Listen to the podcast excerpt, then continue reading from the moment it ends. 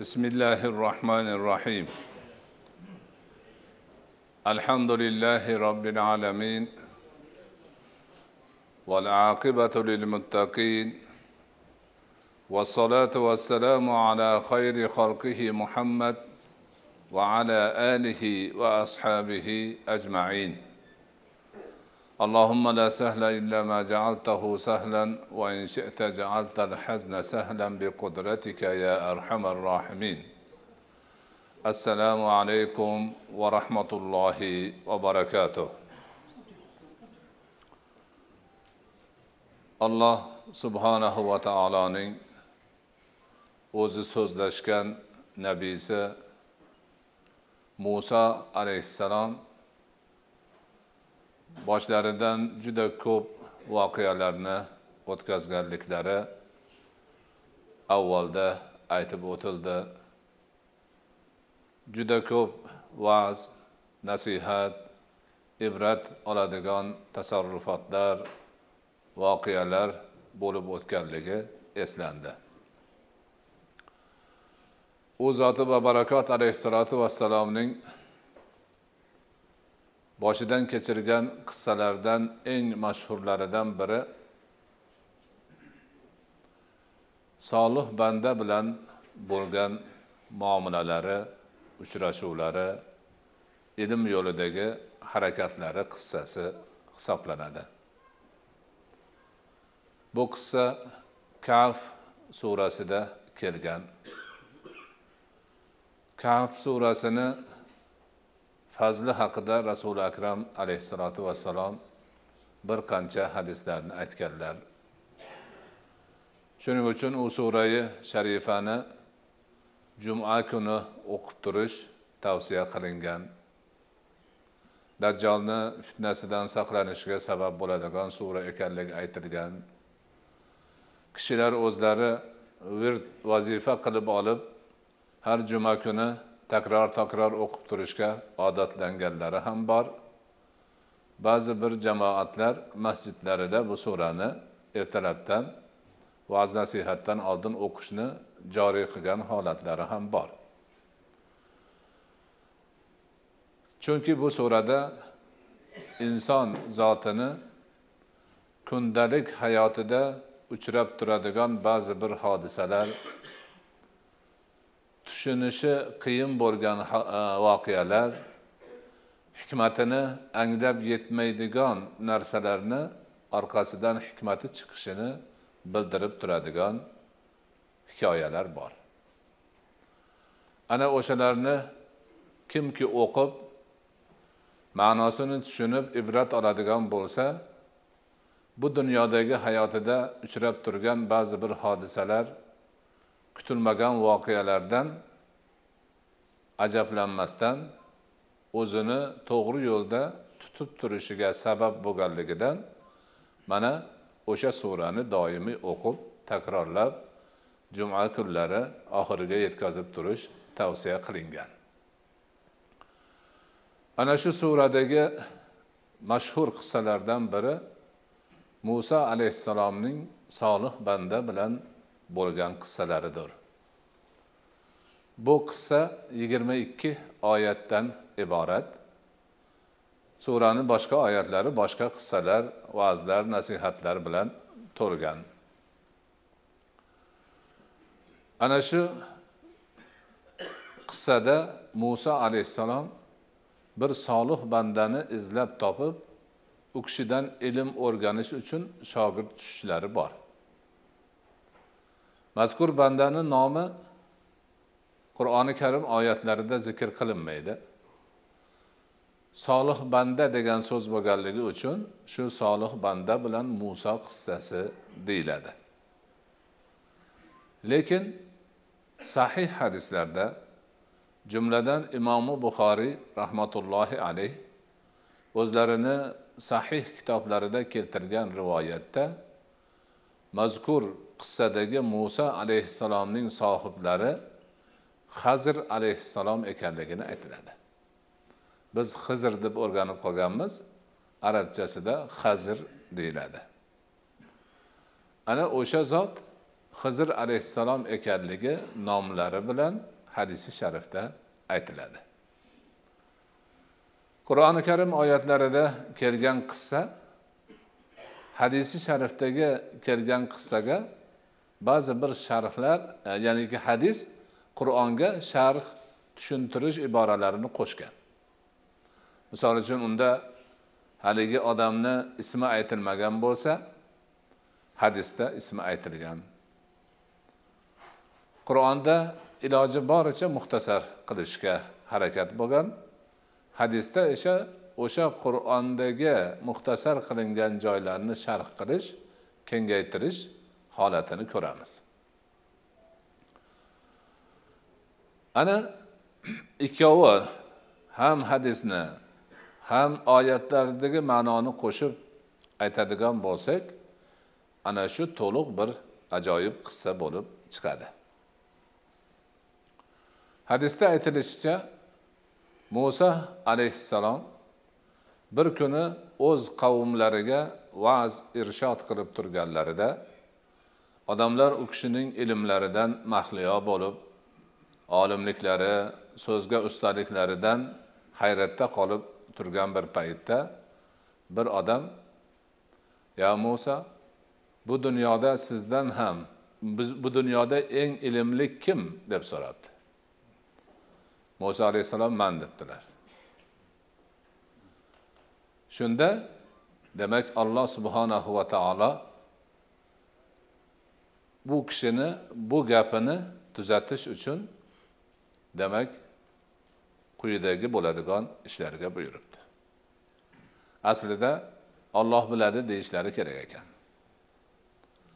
Man deganlari chunki ular o'zlarini ehtimol o'tirgan birga turgan odamlarni orasidagi gapni ichlaringizda bilimdorrog'ingiz manman degan bo'lishlari mumkin. Lekin nima bo'lganda ham olloh biluvchi deyishlari kerak edi. Shuning uchun alloh subhanahu va taolo aytdiki yo'q bu dunyoda sandan ilmli odam bor. Mani bir solih bandam bor. Unga man o'z huzurimdan ilmi laduniy berganman. Ana o'sha odamga borib demak uchrash san undan ilm o'rgan dedi. Bu ish qanday bo'lishini u odamni qanday topishini alloh taolo aytdiki bir savatga baliq savol. Haligi odamni izlab boraverasan boraverasan.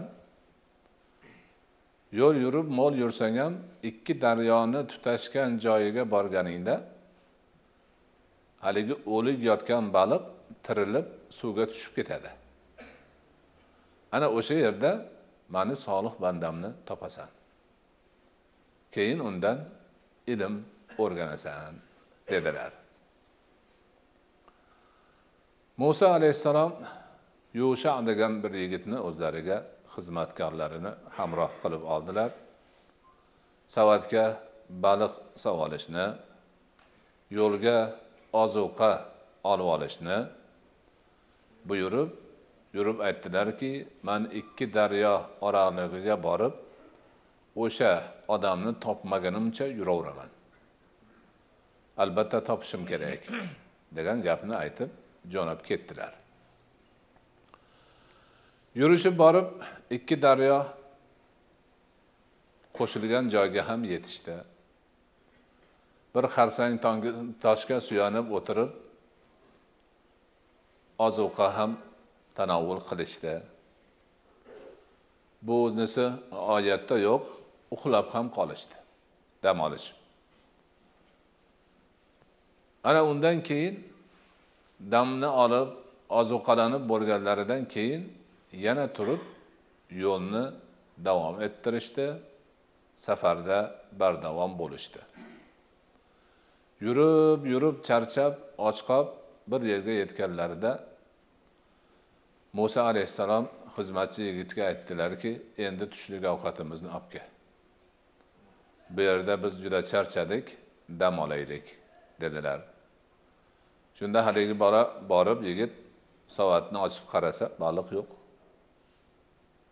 Yugurib kelib aytdiki e haligi avvalgi o'tirgan joyimizda baliq suvga tushib ketibdi. Man sizga aytaman deb esimdan chiqib qolibdi shayton mani esimdan chiqardi. deb uzr ma'zurni aytishni boshlavdi muso alayhissalom aytdiki yo san unaqa mana shuni izlab yuribmiz biz o'zi. Asl maqsadimiz shu. Baliq suvga tushib ketishi kerak. O'sha yerda biz izlab yurgan odamimizni topamiz. Yur orqaga qaytdik deb kelgan izlaridan orqaga qaytishdi. Gaplashib qaytib borishsa o'sha avvalgi dam olgan qarsang toshlarini oldida bir odam turibdi. Keyin gaplashib so'rashib bilishdiki o'zlari izlab yurgan hizr alayhissalom ana shu odam. Keyin aytdilarki endi siz olloh sizga o'rgatgan ilmdan manga ham o'rgatsangiz mana shu niyat bilan man keldim sizga. U kishi aytdilarki mani shartim qattiq. San mani shartimga chiday olmaysan sabr qila olmaysan shuning uchun manga shogird tushmay qo'ya qol degan gapni aytdilar. Muso alayhissalom yo'q man albatta shu ishga qattiq bel bog'laganman allohni amri bo'lgan. Nima shart qo'ysangiz man sabr qilaman chidayman shartingizni ko'taraman dedilar. Undoq bo'lsa shart shuki san man bilan yurib mani qilgan ishimga aralashmaysan. Bu nima uchun bo'ldi demaysan. Shart shu deyishdi bo'ldi shartni qabul qildik. Yur bo'lmasa deb ozgina yurib turib bir kema keluvdi. Kemachiga aytdiki bizni narigi qirg'oqqa o'tkazib qo'ygan. Bo'pti. Kemachilar hizr alayhissalomni tanishib qoldi. Hurmatlarini qilib haqi ham olmaydigan bo'ldi. Bepul shunday bir xayri ehson uchun bizni tilimizda aytganda duoga narigi qirg'oqqa bularni o'tkazib qo'yadigan bo'lishdi kelishildi. Kemaga chiqdi kemachi kemasini yurg'izdi yurib ketishdi. Yo'lni bir yeriga yetganda hizr alayhissalom bir boltani oldida chopib chopib kemani teshib qo'ydi. Indamadi. Muso alayhissalom chidab turolmadi. Bu qanaqa gap o'zi?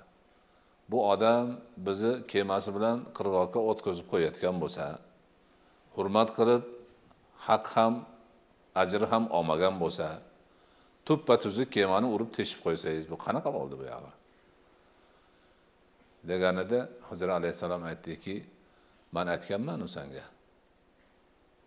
Man qilgan ishga aralashmayman aralashmaysan deganman. Sabr qilasan deganman. Mana endi sabr qilmading. E kechirasiz man shoshqaloqlik qilibman endi bunaqa bo'lmaydi. Sizdan kechirim so'rayman. Mani haydamang huzuringizdan ilmingizdan manfaatdor bo'lay. Xullas nima gap bo'lsa bo'ldida qirg'oqqa o'tishdi. Narigi qirg'oqqa o'tib yerga tushishdi. Safarlarini davom ettirishdi. Yo'lda ketishayotib bir to'p bolalar o'ynayotgan ekan. Hizr alayhissalom to'xtadilarda qarab turib bir o'g'il bolani o'zlarini huzuriga chaqirdi. Kichkina bolacha yugurib keluvdi. Haligi bolani bir urib o'ldirib qo'ydi. O'lib qoldi bola. Muso alayhissalom chiday olmadilar. Bu qanaqa odamsiz? Birovni o'ldirmagan bo'lsa begunoh yosh bolani o'ldirib qo'ydingizku bu qanday gap bu? Deganida aytdilarki man sanga aytdimku man qilgan ishga aralashmaysan nimaga qilding qilding deb so'ramaysan. Yana gapni buzding shartni buzding. Dedilar e kechirasiz. Man o'zim chiday olmasdan noto'g'ri xato qilibman. Endi bundan keyin yana qilsam aybim o'zimda bo'ladi. Endi bunaqa qilmayman sizga va'da beraman deb yana uzr ma'zur aytdilar. Yana yurib yurib bir aholi yashaydigan qishloqqa kirishib aytishdilarki biz musofirmiz. Horib charchab och qolib chanqob kelyapmiz. Bizni bir mehmon qilinglar deyishuvdi. Haligi qishloqni odamlari baxil ekan. Biz sizlarga o'xshagan mehmon bilan ishimiz yo'q. Mehmon qiladigan narsamiz ham yo'q dedida umuman ularni mehmon qilishmadi. Qishloqni chetiga chiqib xafa bo'lib bir yerda dam olishib o'tirishdi. Qorin och uzoq yurib charchashgan uni ustiga qishloq aholisini muomalasi asablarini juda buzgan odamgarchilikka to'g'ri kelmagan ishni qilishib qarab tursa bir devor qiyshayib yiqiladigan bo'lib turibdi. Hizr alayhissalom aytdi tur dedilarda muso alayhissalomga shart turib borib devorni yiqitib qaytadan urib qo'ydi.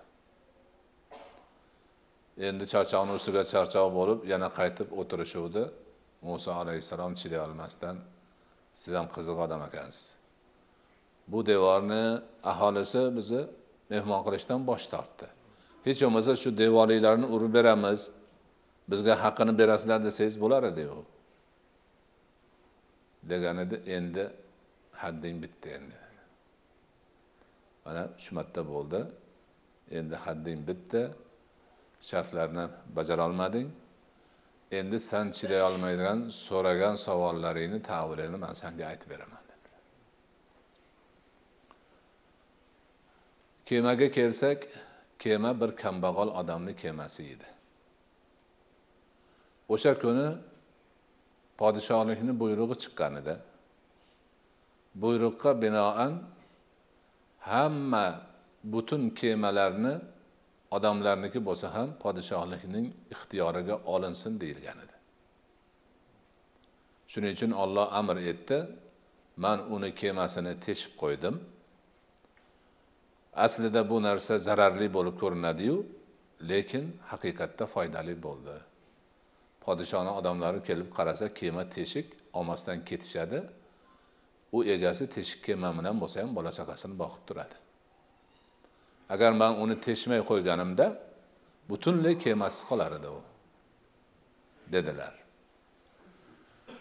Ana bu yerda endi u hadisni ham gap emas oyatni ham gap emas o'zimizni xulosamizki hayotda ba'zi bir narsalar boshimizga tushsa biz xafa bo'lamiz misol uchun o'sha kemachi bo'lsa kemamni teshib qo'ydi bu odam zo'rg'a yuruvdim o'zi endi nima qiladi? Noshukur ekan pulini olmayman desam ham deyishi qancha xafa bo'lishi mumkin. Lekin orqasida esa uni faqat uni foydasi. Bola chaqasini foydasi. Bir ish musibat bo'lib yomonlik bo'lib ko'rinyapti lekin orqasida uni uchun yaxshilik bor hikmat bor xayr baraka bor. Ana o'sha hizr alayhissalom bilgan ilm sirtidan bilib bo'lmaydigan orqasidagi hikmatni biladigan ilm ekan. Ana muso alayhissalom ham tushunmadilar buni.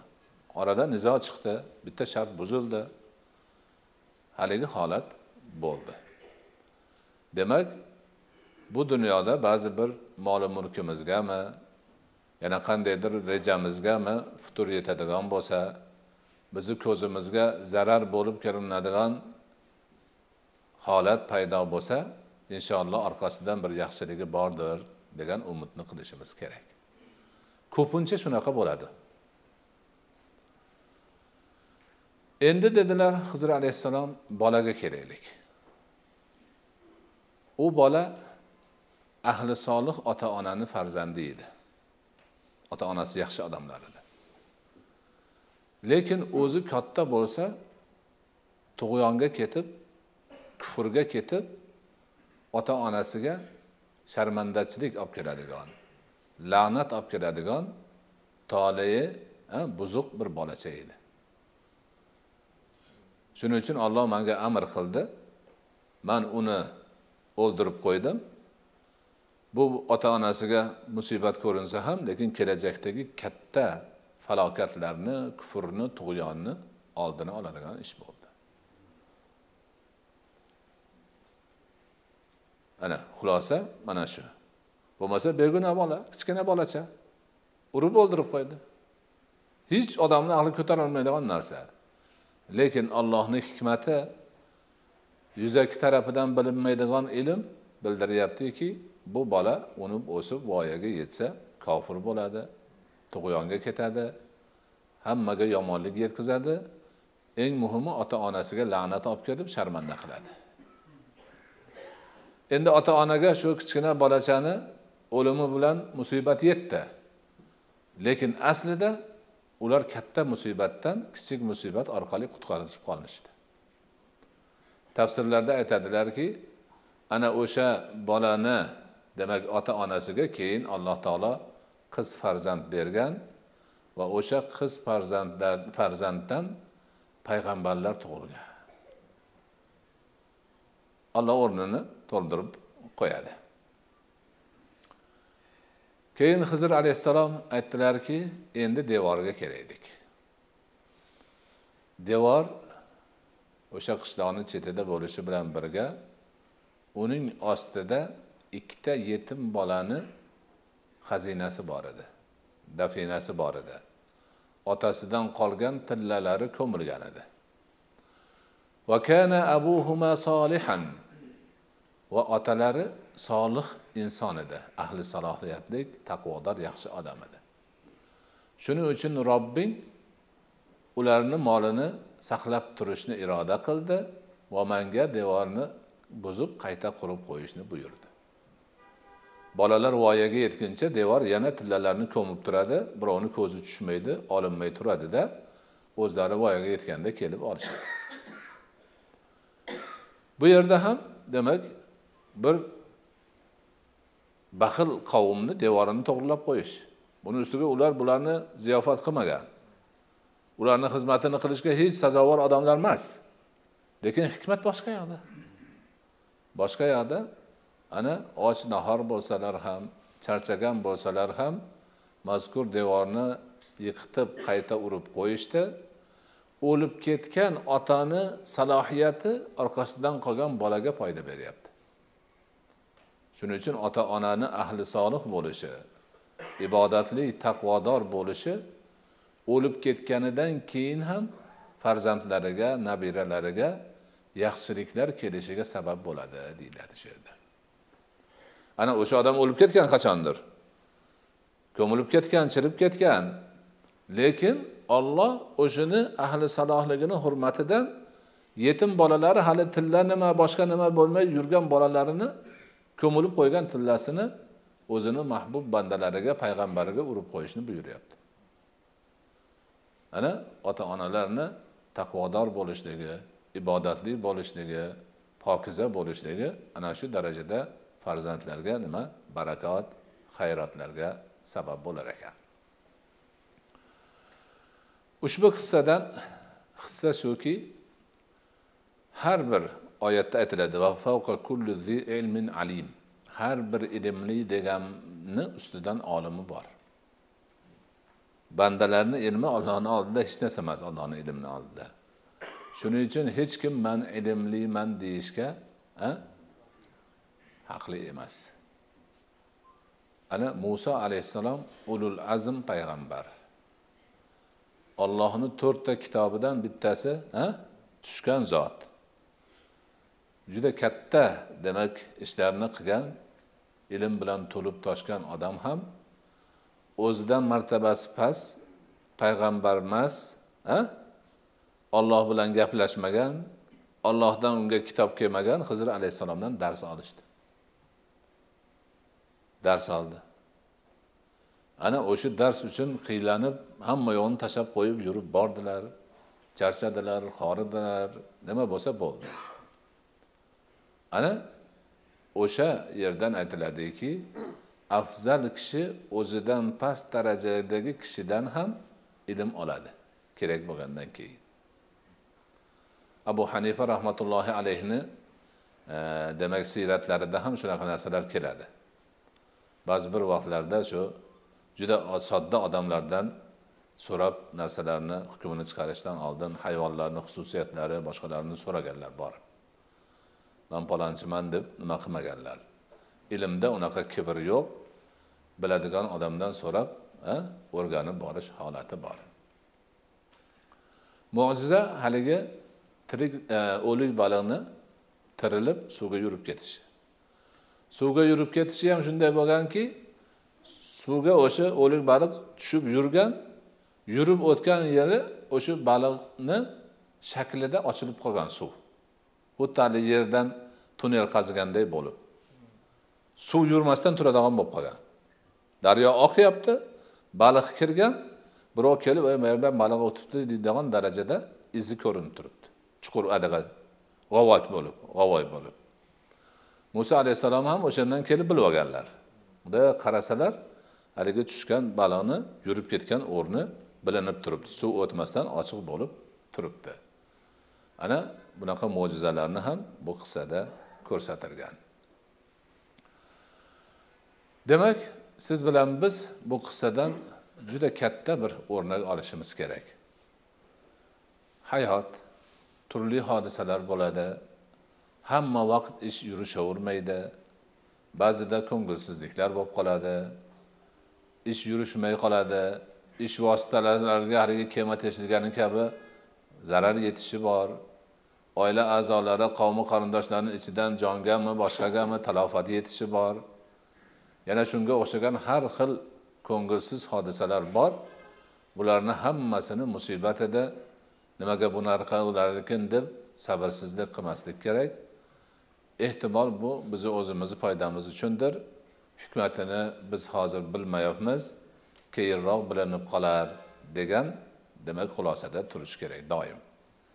Mana shu qissa nihoyatda ibratli qissa. Yaxshi o'rganib odam o'ziga singdirib olishi kerak. Hozir ham ko'pchilik har zamonda bir zamon kelib qolishadi.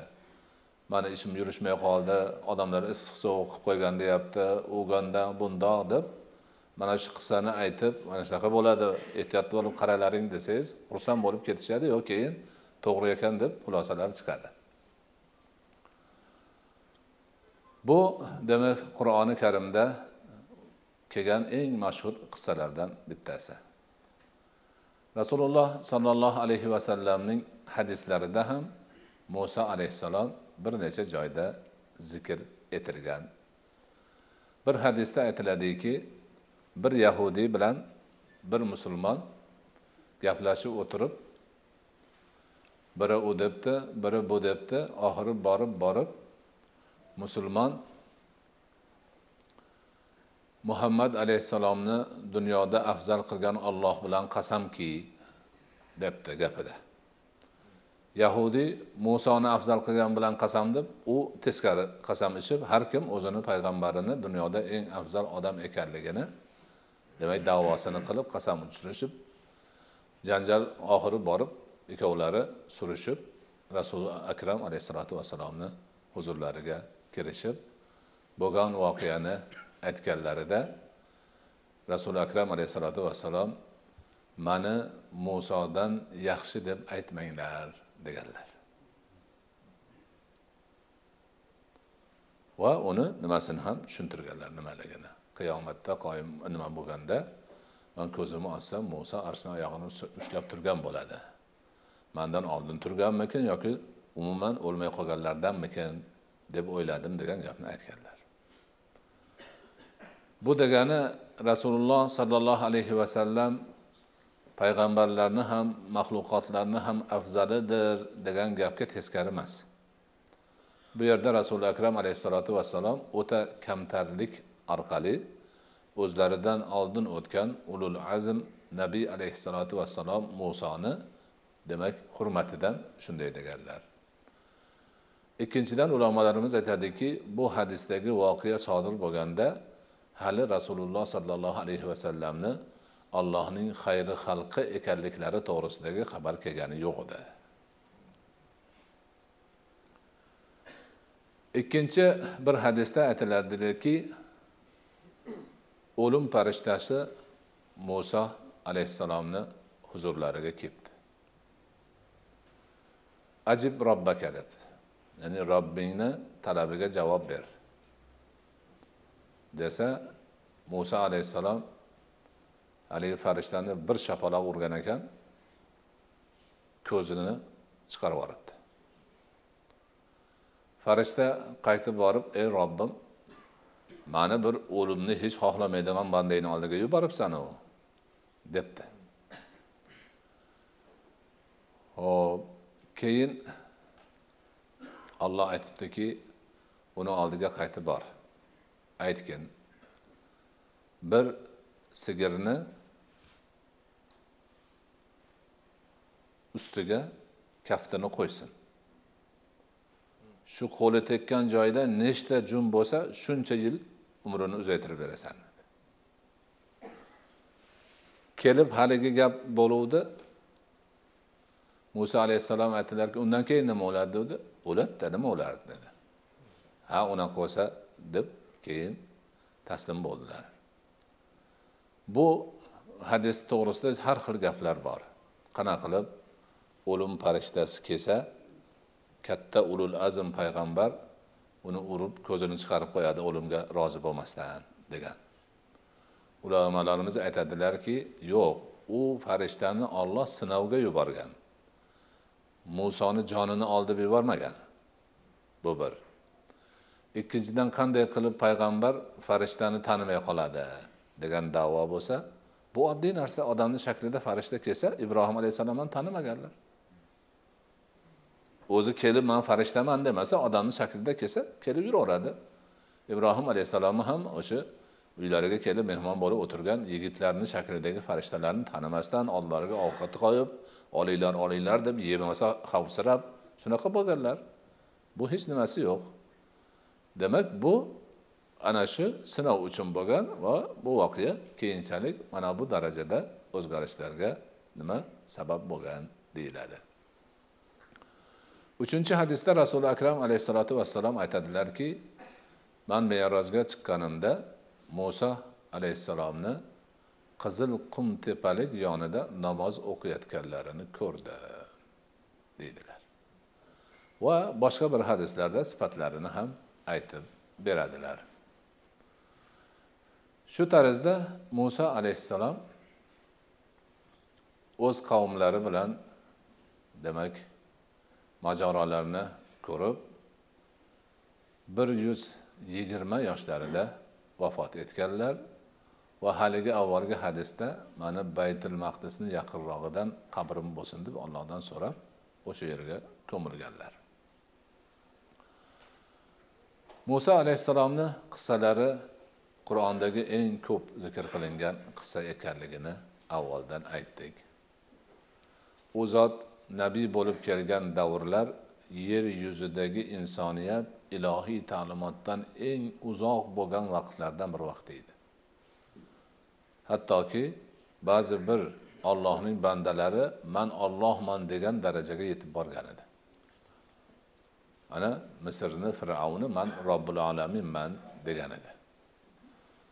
U desadir bir ahmoq aytar lekin o'shanga ishonuvchilar bor edi. Eng yomoni shu edi. O'shanga iymon keltirib shuni aytganini qilib yurganlar bor edi. Ya'ni insoniyat nihoyatda ilohiy ta'limotdan uzoqlashish oqibatida ayanchli bir holga tushib qolgan edi. Shuning uchun bu zot qattiq qiyinchiliklarni boshidan kechirdilar. Insoniyatni ilohiy ta'limotga burish allohni kitobi asosida yashash kerakligini tushuntirish uchun juda katta mehnat sarf qildilar. Odatda har bir nabiy alayhissalotu vassalomning qissasi iymon bilan kufrni orasidagi kurash tarzida o'tib so'ngiga kelganda iymon g'olib kelib kufr mag'lub bo'lishi bilan tugaydi. Muso alayhissalotu vassalomning qissalari esa fir'avn va uni qavmi odamlari misolidagi kufr bilan kurashib ular yengilib iymon g'olib kelgandan keyin asosiy voqealar boshlanadi. Fir'avnni qavmi bilan dengiz oqizib ketdi ular o'ldi tugadi. Undan keyin o'zlarini qavmi bilan asosiy mojarolar boshlanadi. Shunday qilib muso alayhissalomni davrida bani isroil baydir maqdisga kirmadi. Qolib ketdi. Ana u zot qissalari mana shunday ajoyib bir demak holatlar bilan davom etdi. Ana shu e'tibordan demak bu qissalardan juda katta bir ibratlar olishimiz kerak bo'ladi. Xayr barakalarni topishimiz imkoni bo'ladi. Avvalam aytuvdik muqaddimada muso alayhissalomni nomlari boshqa payg'ambarlardan ko'ra eng ko'p marta zikr qilinganligi bir yuz o'ttiz ikki marta. Va deyarli ko'pchilik suralarda borligi ko'p joyni egallaganligi shuki o'sha qavm tavrot degan kitob asosida ilohiy ta'limotni to'la tarzda hayotga tatbiq qilishga mukallaf bo'lgan qavm edi nabiylari shunga uringan edi. Ana ulardan keyin xuddi shu narsani to'liq shakli siz bilan biz mo'min musulmonlarga qur'onu muhammad alayhissalotu vassalom orqali taklif qilingan edi. Mana shu o'zimizga kelgan kitob payg'ambar bilan bo'lgan munosabatda ana ularga o'xshab adashib qolmasligimiz uchun qayta qayta ularni adashuvlari yo'lga qo'ygan xatolari ularni oqibatlari eslatilgan. Alhamdulillah musulmon ummati sahobai ikromlar ko'p yerlarda o'sha bani isroilni qilganini yomonliklarini esga olib turib takrorlamadilar. Doim to'g'ri yo'lni tutdilar rasulullohni yonida bo'ldilar va qur'oni karimni to'liq tarzda hayotga tatbiq qilib ko'rsatish baxtiga muyassar bo'ldilar. Alloh subhanahu va taolo muso alayhissalomni qissasidan barchamizga yaxshi bir manfaatlar va'z nasihatlar olishimizga nasib etsin.